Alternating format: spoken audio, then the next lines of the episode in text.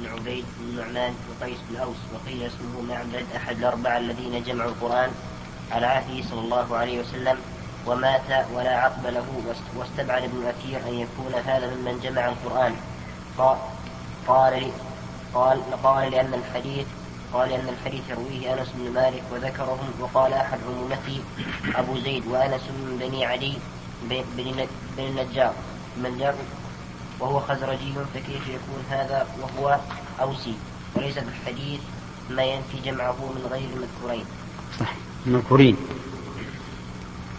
طيب هنا تابعه الضمير على من؟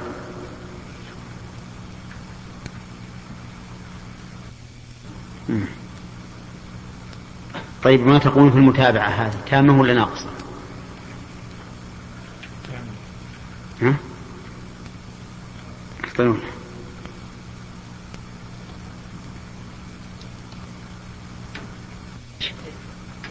طيب. وهنا؟ ها؟ وين تابع وين تبقى؟ حفص بن عمرو والفضل بن الفضل. إذا تامة ولا ناقصة. ناقصة. جدا ناقصة. في شيخ شيخ شيخ. نعم.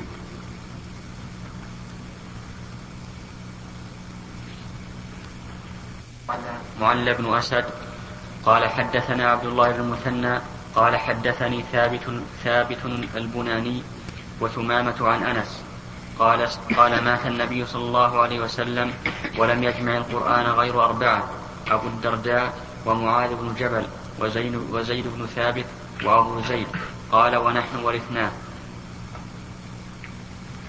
طيب هذا يمنع ما قاله القسطلاني إنه لا ينافي أن غيرهم أن غير المذكورين جماعة. ولكن يبعد جدا أن يكون أمر أن يكون هذا هو الواقع. أنه لم يجمع القرآن في عهد النبي صلى الله عليه وسلم إلا هؤلاء الأربعة لأننا نستبعد أن يكون أبو بكر وعمر وعثمان وعلي وأئمة الصحابة وأجلاؤهم وابن مسعود وابن مسعود أيضا لم يجمعه أما ابن مسعود فيمكن أن يقال إنه جمعه بعد موت الرسول عليه الصلاة والسلام لأنه لم يجمع لم يأخذ من في الرسول إلا بضعا وسبعين سورة. لكن مثل أبو بكر وعمر وعثمان هؤلاء الملازمين للرسول عليه الصلاة والسلام يبعد جدا أن لا يكونوا جمعوا القرآن يعني حفظوه كله. فيحمل نفي أنس على مبلغ علمه. يعني هذا هو الذي بلغه. أنه بلغه أنه لم يجمعه إلا هؤلاء الأربعة. وحينئذ فلا ينافع أن يكون غيرهم جمعه هنا. نعم. اللي هم إي نعم. نعم ما ما ذكر منهم. مسعود من, من, من أولئك. نعم. ولا ذكر هنا سالم. مولى ابن حذيفة. نعم. حدثنا صدقة بن الفضل قال أخبرنا يحيى عن سفيان عن حبيب بن أبي ثابت عن سعيد بن جبير عن ابن عباس قال قال عمر أبي أقرأنا وإنا وإنا لندع من لحن أبي. وأبي, وأبي يقول أخذته من في رسول الله صلى الله عليه وسلم. فلا أتركه لشيء. قال الله تعالى ما ننسخ من آية أو ننسها نأتي بخير منها أو مثلها. يقول عمر أبين أقرأنا يعني أحفظنا أو أعلمنا بكتاب الله. والظاهر لي والله أعلم أنه قاله على سبيل التواضع.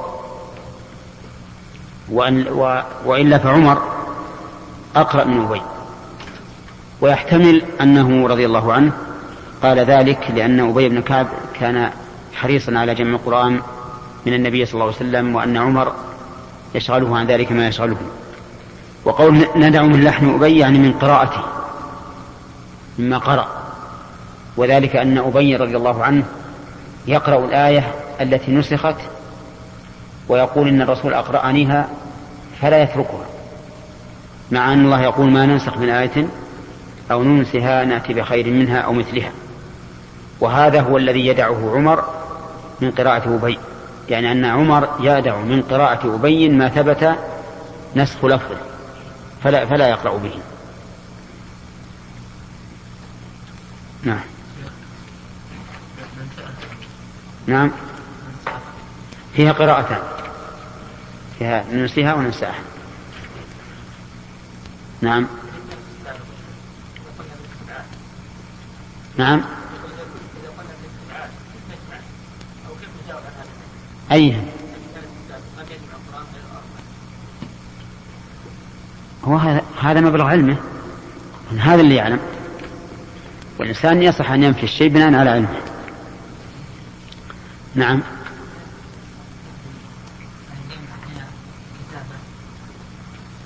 كيف؟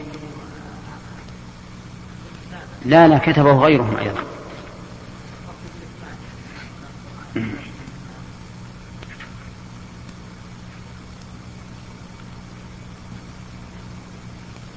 والله بعيدة أنا أستبعد إنهم إنهم كتبوا القرآن كلهم.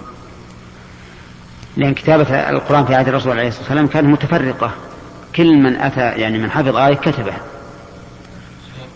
نعم. نعم. الذين قتلوا في نعم. إحنا قلنا لم يجمع باعتبار علم. يعني ما علم أن غيرهم جمع. ما في شيء. دائما الإنسان يقول هكذا بناء على علمه. طيب وش عندك في هذا؟ يقول لحن أنا عندي في نسخة.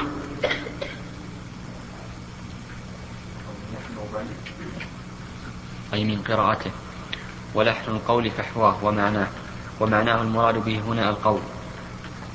وكان أبي بن كعب لا يرجع عما حفظه من القرآن الذي تلقاه عن رسول الله صلى الله عليه وسلم ولو أخبره غيره أن تلاوته نسخت لأنه إذا سمع ذلك من رسول الله صلى الله عليه وسلم حصل عنده القطع القطع به فلا يزول عنه بإخبار غيره أن تلاوته نسخت. وقد استدل عليه نعم. وقد استدل عليه وقد استدل عليه عمر بالآية بالآية الدالة على النسخ وهو من أوضح الاستدلال في ذلك. من أوضح الاستدلال في ذلك. وتقدم شرحه. استمر. باقي شوي. باب فضل فاتحة الكتاب. حدثنا علي بن عبد الله قال حدثنا يحيى بن سعيد قال حدثنا شعبة قال حدثني خبيب خبيب بن عبد الرحمن بن عبد الرحمن عن حفص عن حفص بن عاصم عن أبي سعيد بن المعلى قال كنت أصلي فدعاني, فدعاني النبي صلى الله عليه وسلم فلم أجبه.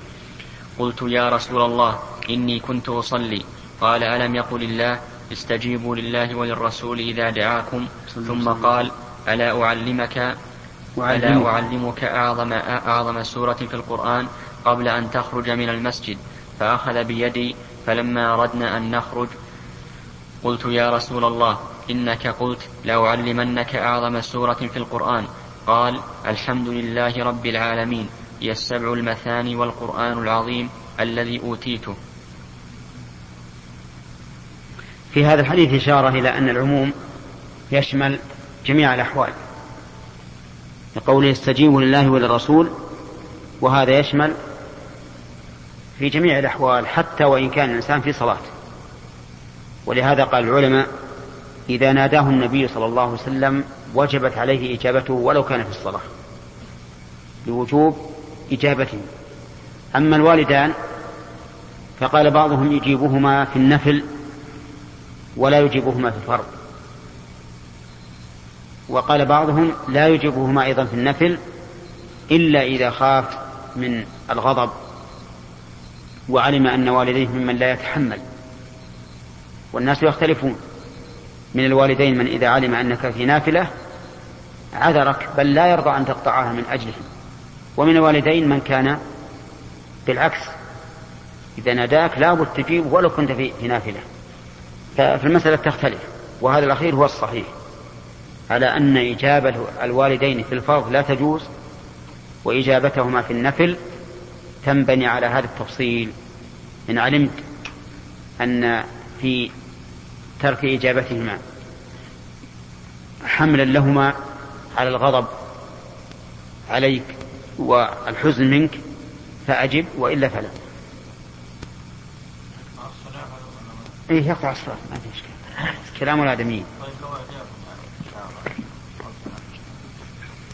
إذا كان يكفي فلا بأس. هو ينبني على التفصيل. لكن بعض الأحيان بعض الوالدين مشكل. أصم أعمى لازم تجيبه على ما يبهو نعم.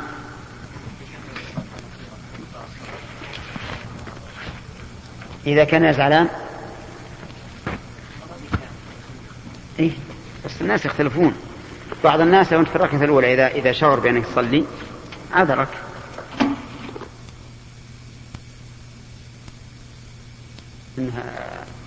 عن غزوة الفتح. تأخر فقط. نعم.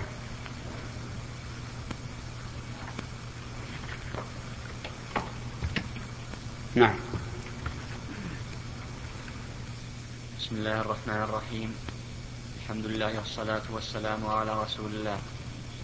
قال البخاري رحمه الله تعالى حدثنا محمد بن المثنى قال حدثنا وهب قال حدثنا هشام عن محمد عن محمد عن معبد عن أبي سعيد الخدري قال كنا في مسير لنا فنزل فنزلنا فجاءت جارية فقالت إن سيد الحي سليم وإن نفرنا غيب. غيب.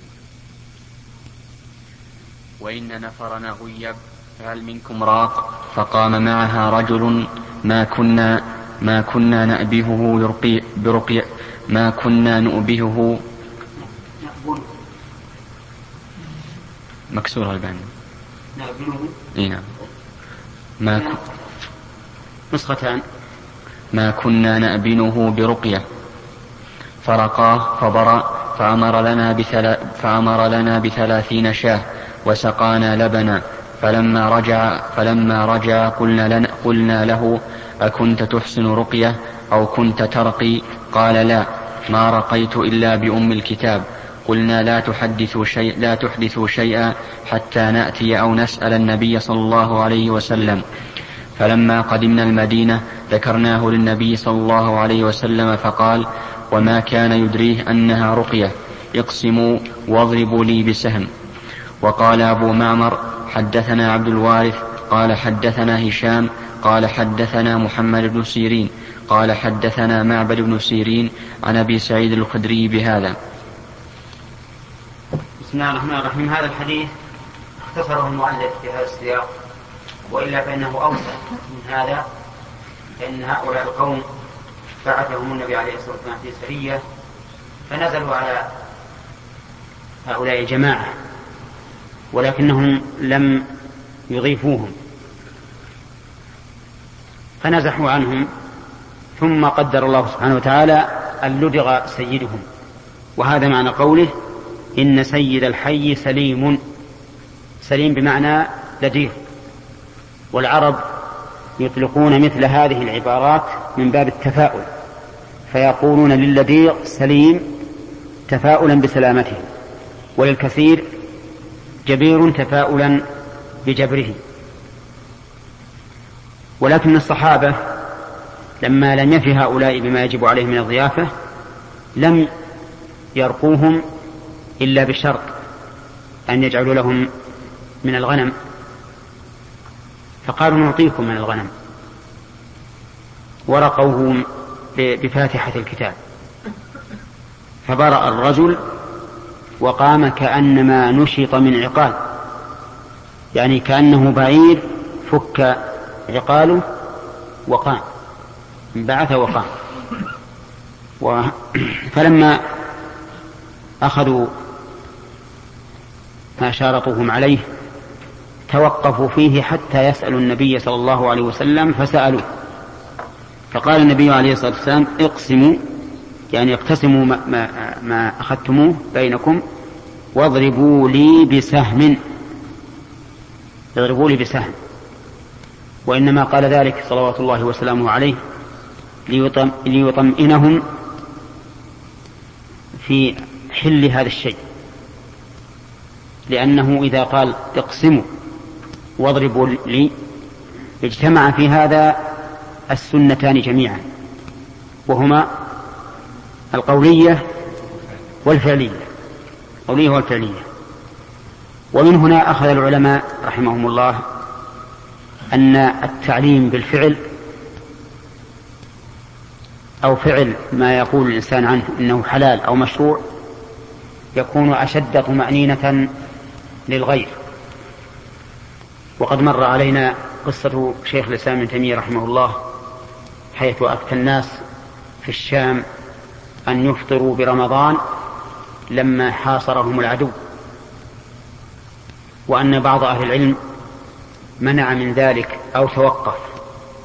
وقال كيف يفطر هؤلاء وهم ليسوا على سفر وليسوا مرضى؟ هم في البلد. كيف يفطرون؟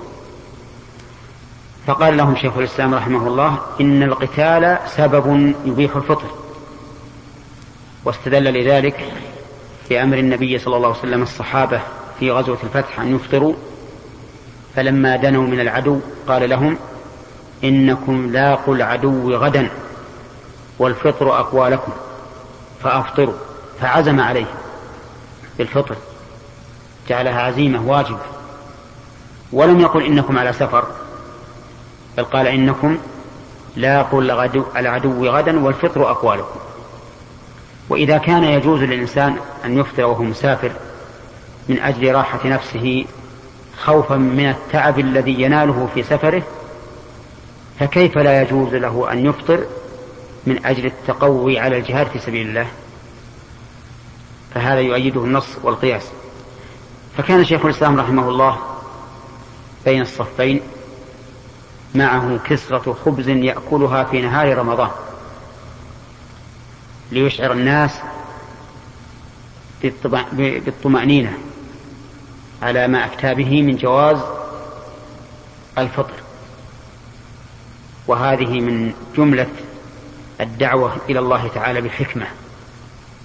فإن كل ما يطمئن الناس على الحكم فإنه من الحكمة. يستفاد من هذا الحديث أن الفاتحة رقية.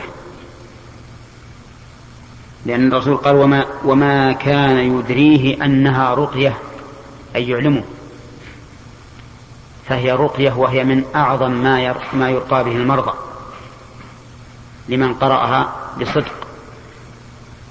ولكن هل يقرأها مرة أو ثلاثا أو خمسا أو سبعا؟ اختار بعض العلماء أنه يقرأها سبعا على عدد آياتها. وقال إن إنها إذا قرأت سبع مرات لا يكاد يخطئ القارئ في برء المريض. ولكن مع هذا نحن نقول إن الفاتحة سلاح وسيف والسيف والسلاح بضاربه بضاربه رب رجل معه سيف بتار قطاع لكن يده عند حمله ليضرب هام عدوه ترتعش حتى يسقط السيف منه ويأخذه عدوه ويقتله به أليس كذلك؟ أي نعم وربما سيف مثلم ليس ببتار ولا قطاع لكنه مع يد قاطع شجاع يفشق به هام عدوه ولا يبالي.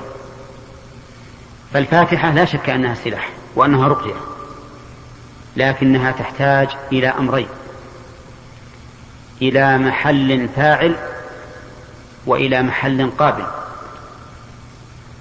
محل فاعل بحيث يكون عند القارئ قوة عظيمة. كأنما يقطع المرض بيده من شدة انفعاله عند القراءة وتأثره بذلك ومحل قابل بحيث يكون المريض عنده إيمان بأن ذلك سوف ينفعه ويشفى به بإذن الله. أما رجل ليس عنده تلك القوة يعني رجل فاعل قارئ ليس عنده تلك القوة وإنما يقول أنا أجرب أشوف هل ينفع أو لا؟ فإن ذلك لا ينفع. ولو قرأها سبعمائة مرة. لماذا؟ لأنه ليس عنده القوة الفاعلة التي تؤثر. فهو كالذي أراد أن يقطع رأس عدوه بالسيف البافر القطاع فقال بالسيف. ينقطع ولا لا؟ ما ينقطع يهمز هذا. هذا ما هو يقطع. فلا بد من قوة. أيضا لا بد أن يكون المحل قابلا. منفعلا متأثرا بالقراءة. أما إذا كان غير قابل فهو ما ينفع. ولهذا لو ضربت في لو ضربت بالسيف حديدة أو حجارة ما نفع. فلا بد أن يكون المحل قابلا. فإذا تخلف الشفاء عن قراءة رجل قارئ للفاتحة فإننا لا نقول إن العلة في الفاتحة. العلة في القارئ أو المقروء عليه. أما الفاتحة فلا والله ما يتخلف عنها. وقد قال النبي عليه الصلاة والسلام وما يدريك أنها رقية. واضح؟ طيب وفيه دليل على أنه تجوز أخذ يجوز أخذ العوض على القراءة على المريض. ها؟ لأن النبي صلى الله عليه وسلم أقرهم على ذلك. لأن النبي صلى الله عليه وسلم أقرهم على ذلك. بل قال اضربوا لي معكم بسهم. وهذا بخلاف ما لو قرأ القارئ القرآن وأخذ أجرا عليه. فهذا لا يجوز. والفرق ظاهر. لأن الذي يأخذ أجرا على القراءة على المريض فيشفى كان نفعه إيش؟ متعديا. فهو كتعليم القرآن. ولهذا قال النبي عليه الصلاة والسلام إن أحق ما أخذتم عليه أجرا كتاب الله. وجعل النبي صلى الله عليه وسلم القرآن عوضا عن المهر. لأن فيه نفعا متعديا فالرجل الذي أخذ تزوج المرأة بما معه من القرآن علمها. فيكون الأخذ هنا أخذ العوض على أي شيء؟ على هذا من النفع الذي حصل لباذل العوض. أما مجرد أن يقرأ الإنسان قرآنا يزعم أنه يتقرب به إلى الله ويأخذ عوضا عنه فهذا لا ينفع. وفيه أيضا دليل دليل على ورع الصحابة رضي الله عنهم حيث كفوا عن أخذ هذا العوض إلا بعد إيش؟ بعد أن يسألوا النبي صلى الله عليه وسلم. وهكذا ينبغي للمؤمن أن يتوقف فيما يشك فيه فإن هذا من الورع. لقول النبي عليه الصلاة والسلام من اتقى الشبهات فقد استبرأ لدينه وعرضه. لا سيما في المآكل والمشارب التي طيبها من أسباب إجابة الدعوة وخبثها من أسباب رد الدعوة. فإن النبي صلى الله عليه وسلم ذكر الرجل يطيل السفر أشعث أغبر يمد يديه إلى السماء يا ربي يا رب ومطعمه حرام وملبسه حرام وغذي بالحرام قال فأنا يستجاب لذلك.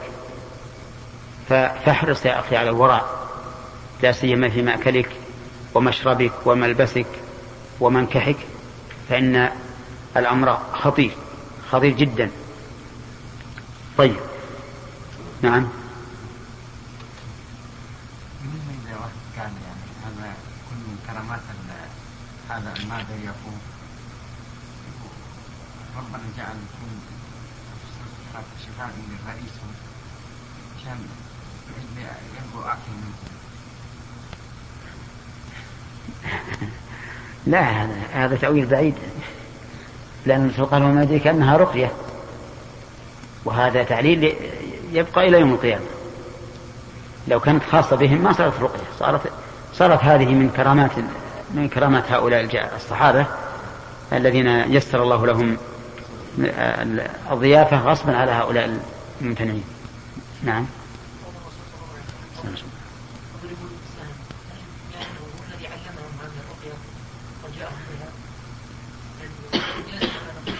لا لا لا, لا. الرسول ما يأخذ أجرا على على إبلاغ الشرع. لهذا من أجل تطيب قلوبهم. هذا نظير قوله آه اذهبوا بخميصتي هذه إلى أبي جهم وأتوني بأن بجنية أبي جهم. هذا من حسن خلق الرسول عليه الصلاة والسلام لأجل تطيب, تطيب القلب. وهذا أيضا نظير قوله لما رأى البرمة على النار قال هي لما قالوا هذا لحم تصدق به على بريرة قال هو لها صدقة ولنا منها هدية. والرسول صلى الله عليه وسلم كان يفعل هذا أحيانا. وليس هذا من السؤال المذموم لأن هذا لمصلحة الغير. فإن فإني أجزم جزمة أنه لو أن الرسول قال لواحد منكم اضرب لي معك بطعامك من طعامك بسهم. شو ها؟ شرف شرف كل يفرح. نعم. فهذا لمصلحة المسؤول لا لمصلحة السائل. ومن أجل هذا المعنى آه، قال الشيخ الإسلام رحمه الله إن الإنسان إذا طلب الدعاء من أخيه فينبغي له أن يلاحظ مصلحة أخيه لا مصلحته الخاصة. خلافا لما يفعله أكثر الناس الآن إذا قال ادع الله لي ما يد ما يكون في ذهنه إلا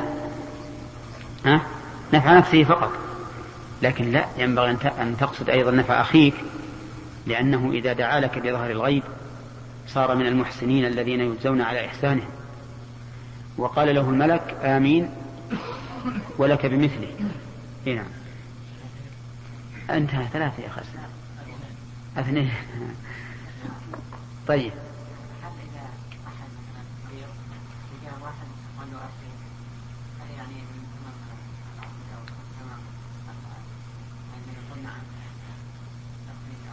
هذا ينبغي إن أن أنه ينظر للحال وما تطلبه الحال. إذا رأى أن المريض يتشوف إلى هذا فينبغي له أن يقول دعني أقرأ عليك. لأن أحيانا المريض إذا دخل عليه الشخص يثق بدينه وأمانته يرغب أنه يقرأ عليه. فإذا أحسست بأن المريض يحب أن تقرأ عليه فقل بقرأ عليك لكن إذا كان المريض ما وده يشوف وجهك تجي همه تقول بقرأ عليك ممكن يقول إذا قرأت عليه يزيد من رضي أنا ما بيك ولا فرقات حبة لي ما تقول خلي اقرأ عليك المرضى الذين لا يسرقون ولا يكتبون ولا يتضيعون هؤلاء من الذين يدخلون الجنة بلا حساب. هنا. نعم. طيب. باب فضل باب, باب فضل سورة البقرة. حدثنا محمد بن كثير قال أخبرنا شعبة عن سليمان عن إبراهيم عن عبد الرحمن عن أبي مسعود عن النبي صلى الله عليه وسلم قال من قرأ بالآيتين حدثنا أبو نعيم قال حدثنا سفيان عن منصور عن إبراهيم طيب عن شوف كلام الحافظ على هذا.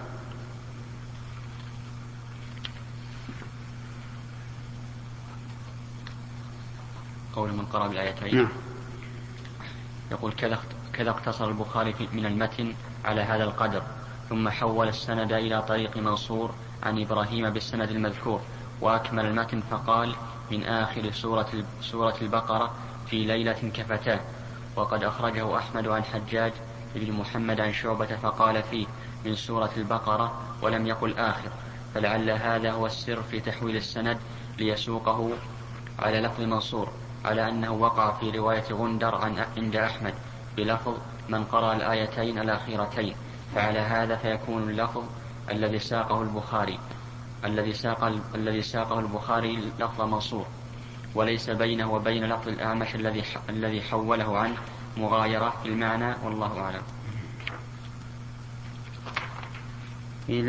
صار العلة في السند يعني اختلاف السند. نعم. حدثنا أبو نعيم قال حدثنا سفيان عن منصور عن إبراهيم عن عبد الرحمن بن يزيد عن أبي مسعود رضي الله عنه قال قال النبي صلى الله عليه وسلم من قرأ بالآيتين من آخر سورة البقرة في ليلة كفتاه.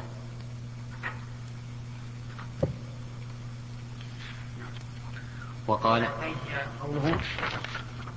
آمن الرسول بما أنزل إليه من ربه إلى آخر السورة إذا قرأهما الإنسان في ليلة كفتاه يعني صارتا حافظتين له تكفيانه عن الحارس وهذا يدل على أنه ينبغي الإنسان أن يحافظ على قراءتهما في كل ليلة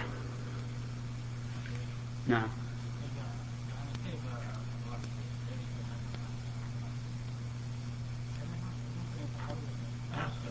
إيش؟ وش؟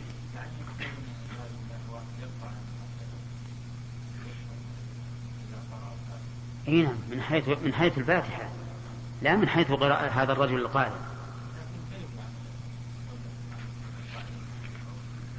إي نعم أقول أقوله هكذا. إيه؟ لأن الناس الآن يقرؤون الآية الواحدة تجد بعضهم يؤثر وبعضهم ما يؤثر. لهذا لهذا الذي ذكرنا. استعداد الفاعل والقابل.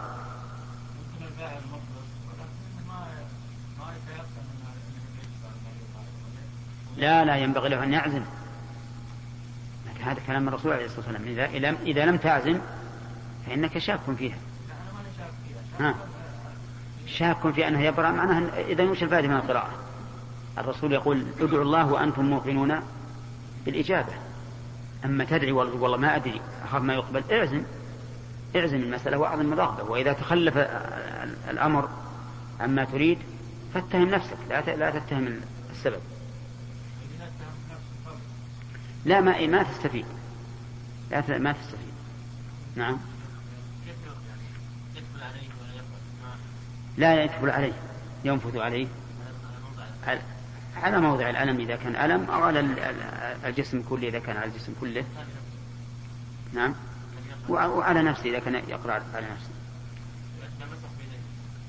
هذا فعله الرسول عند النوم بالمعوذتين نعم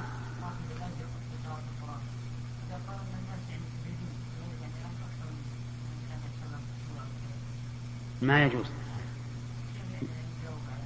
يجب بأن ما استفادوا إلا مجرد الخشوع لقراءة القرآن وهذا قد يحصل من من من مسجل ومن قارئ لم يستعد للقراءة له.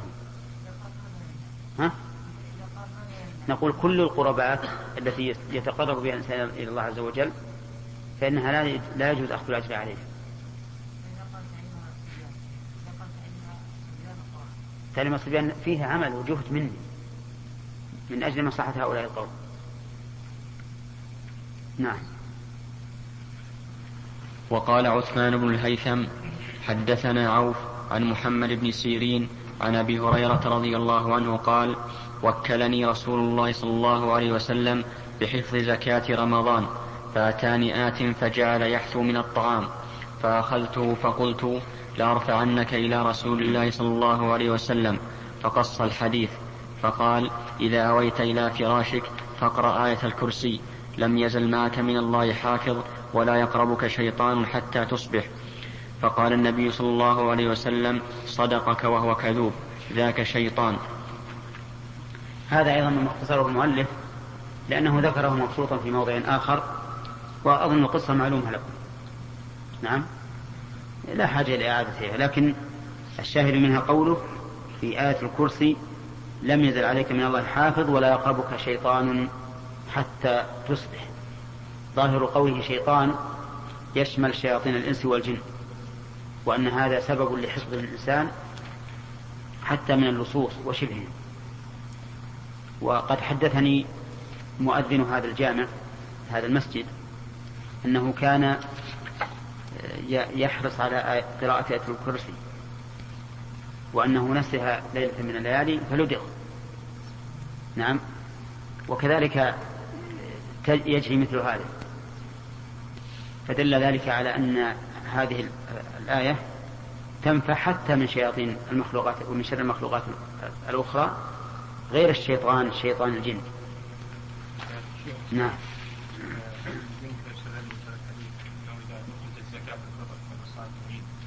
إذا من أنابه الإمام وتأخرت عند هذا من وكله الإمام فلا به الجنة أي نعم. صحيح. لكن في حديث ابن عمر في البخاري كانوا يقبلونها قبل العيد بيوم أو يومين. نعم. والأعذار أنهم لا لا يسترقون هل يا شيخ المقصود انهم لا يطلبون الرقية ام أي نعم. إذا يا شيخ جيت إلى احد مثلا اردت ان القيه منع يعني قال يعني ابى لأنه يخاف أن يدخل في هذا أن يكون من نقول لا لا تدخل نقول إن هذا لا يدخل. إذا لم يطلبها هو بنفسه فإنه لا يدخل. ها؟ أي نعم يجوز يجوز.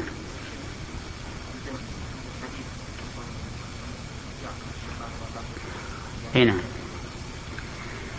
الجمع بين بينهما ان المراد بذلك الشيطان الذي يضر الإنسان ضررا محسوسا كهذا الذي يسرق وشبهه.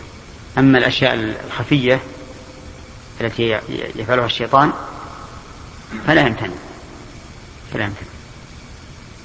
نعم. باب فضل الكهف.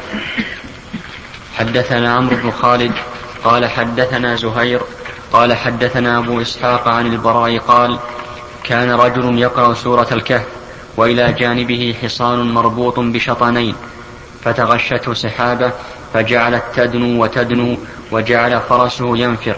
فلما أصبح أتى النبي صلى الله عليه وسلم فذكر ذلك له فقال تلك السكينة تنزلت بالقرآن. الله. وهذا الرجل هو أسيد بن حضير رضي الله عنه. كان يقرأها بالليل فرأى هذا وكان له ابن يقول حتى خشيت أن أن ابن أن ابني تطأه الحصان من شدة جوال جولانها لأنها رأت هذا الذي مثل الظلة وجعل يدنو يدنو وهم ملائكة نزلوا بالسكينة حين سمعوا قراءة سورة الكهف. الله أكبر. نعم بالنسبة للدعاء الدعاء اذا كان بعض الناس أكثر الناس يطلب منك الدعاء آه، يعني من من باب آه، يعني كلام مثلا من غير من غير قصد؟ والله ما أظن من غير قصد شو؟ من غير قصد. يقول يدعي لي يقول من غير قصد. ها؟ الله. يجد واحد ما ها؟ يصلي يأتي الشخص ما يصلي اطلاقا ويقول يا أخي لا تنسى هذا الدعاء والله ما.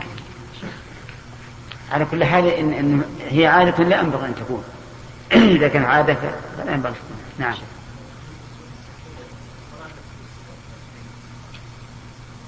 أبدا ما ما ما, ما ورد أكثر من هذا.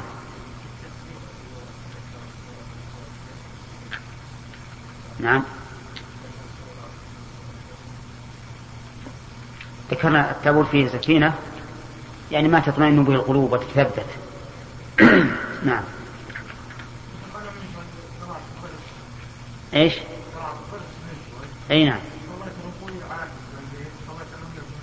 إي نعم.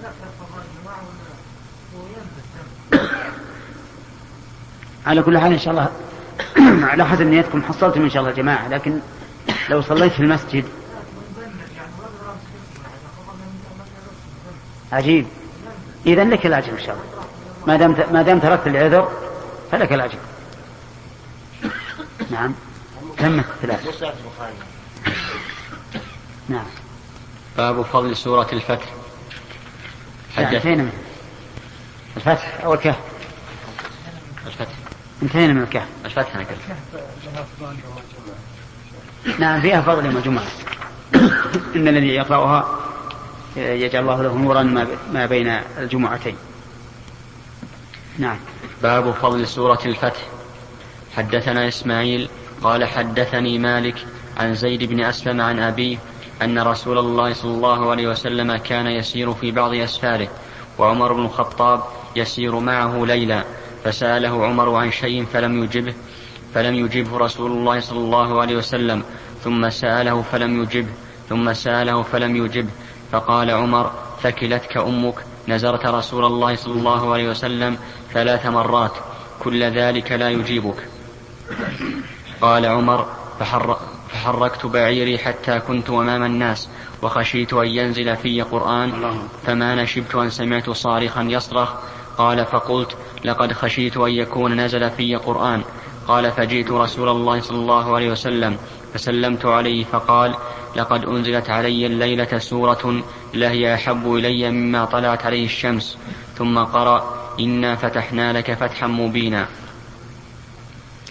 في هذا دليل على توفيق الإنسان نفسه وغضبه عليها. لقوله ثكلتك أمك. وفيه أيضا دليل على ترك جواب الغير لمصلحة. لأن النبي صلى الله عليه وسلم لم يجب عمر مع أن نعلم أن عمر من أحب الناس إليه. ونعلم أن النبي صلى الله عليه وسلم أحسن الناس أخلاقا. لكن قد تقتضي المصلحة ألا يجيبه. إن لم يكن هناك عذر لا نعلمه وفي أيضا قول فما نشبت أي لبثت. كما في حديث الوحي لم, لم ينشب ورثة ورقة أن توفي أي لم يلبث. وفيه أيضا شدة خوف عمر من الله عز وجل. وكان عمر على شدته من أخوف الناس من عذاب الله. حتى إنه أحيانا يمرض إذا قرأ بعض الآيات التي فيها التخويف ويعاد ويبقى أسبوعا مريضا من شدة ما سمع رضي الله عنه. و ولذلك هرب من عند النبي عليه الصلاة والسلام وتقدم خوفا من أن ينزل فيه قرآن رضي الله عنه. وهذا لشدة ما وجد في نفسه. ولكن هذا الحديث في سورة إنا فتحنا لك فتحا مبينا. و وقول المؤلف فضل سورة الفتح يريد بذلك. هذه السورة أو النصر. ها؟ يريد هذه السورة. هذه السورة. إنا فتحنا لك فتحا مبينا. وفيه أيضا أن نزول القرآن الذي فيه زيادة العلم خير من الدنيا وما فيها. لقوله عليه الصلاة والسلام لهي أحب إلي مما طلعت عليه الشمس.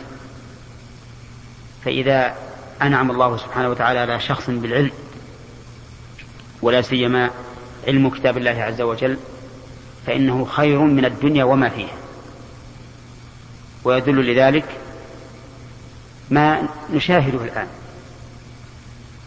ما تقولون فيما صنع الخلفاء والأمراء في عهد أبي هريرة وما حصل لهم من سعة الرزق وسعة الملك؟ في ذلك الوقت هم أشد من أبي هريرة. ولا لا؟ لكن الآن أبو هريرة أشد منهم تأثيرا ونفعا للأمة. أليس كذلك؟ كل الدنيا التي أخذها الخلفاء أو التي عاشوا فيها كلها راحت وفنيت. لكن العلم لا يفنى. العلم لا يفنى. وانظر أيضا إلى ما خلفه أئمة المسلمين كالأئمة الأربعة وغيرهم كيف باقي إلى يومنا هذا. يذكرون به ويدعى لهم به وينتفع الناس بعلومهم فالعلم من أكبر نعمة الله على العبد. إذا وفقه الله عز وجل نية خالصة وحبا للخير ونشرا لشريعة الله. نعم. صلى الله عليه وسلم تلك السكينة تنزلت هل السكينة شيء معنوي؟ قلبت شيء حسي أو شيء حسي؟ يعني كان تطلق على عدة معاني. تطلق على عدة معاني. منها أنها قد يراد بها من, من معهم السكينة وهم الملائكة. لأن الملائكة يسكنون القلوب ويثبتونها. كما قال تعالى إذ يوحي ربك إلى الملائكة أني معكم فثبتوا الذين آمنوا. هنا ها؟ أي نعم يمكن. كثرة الملائكة واجتماعهم يكون ظلة السحاب.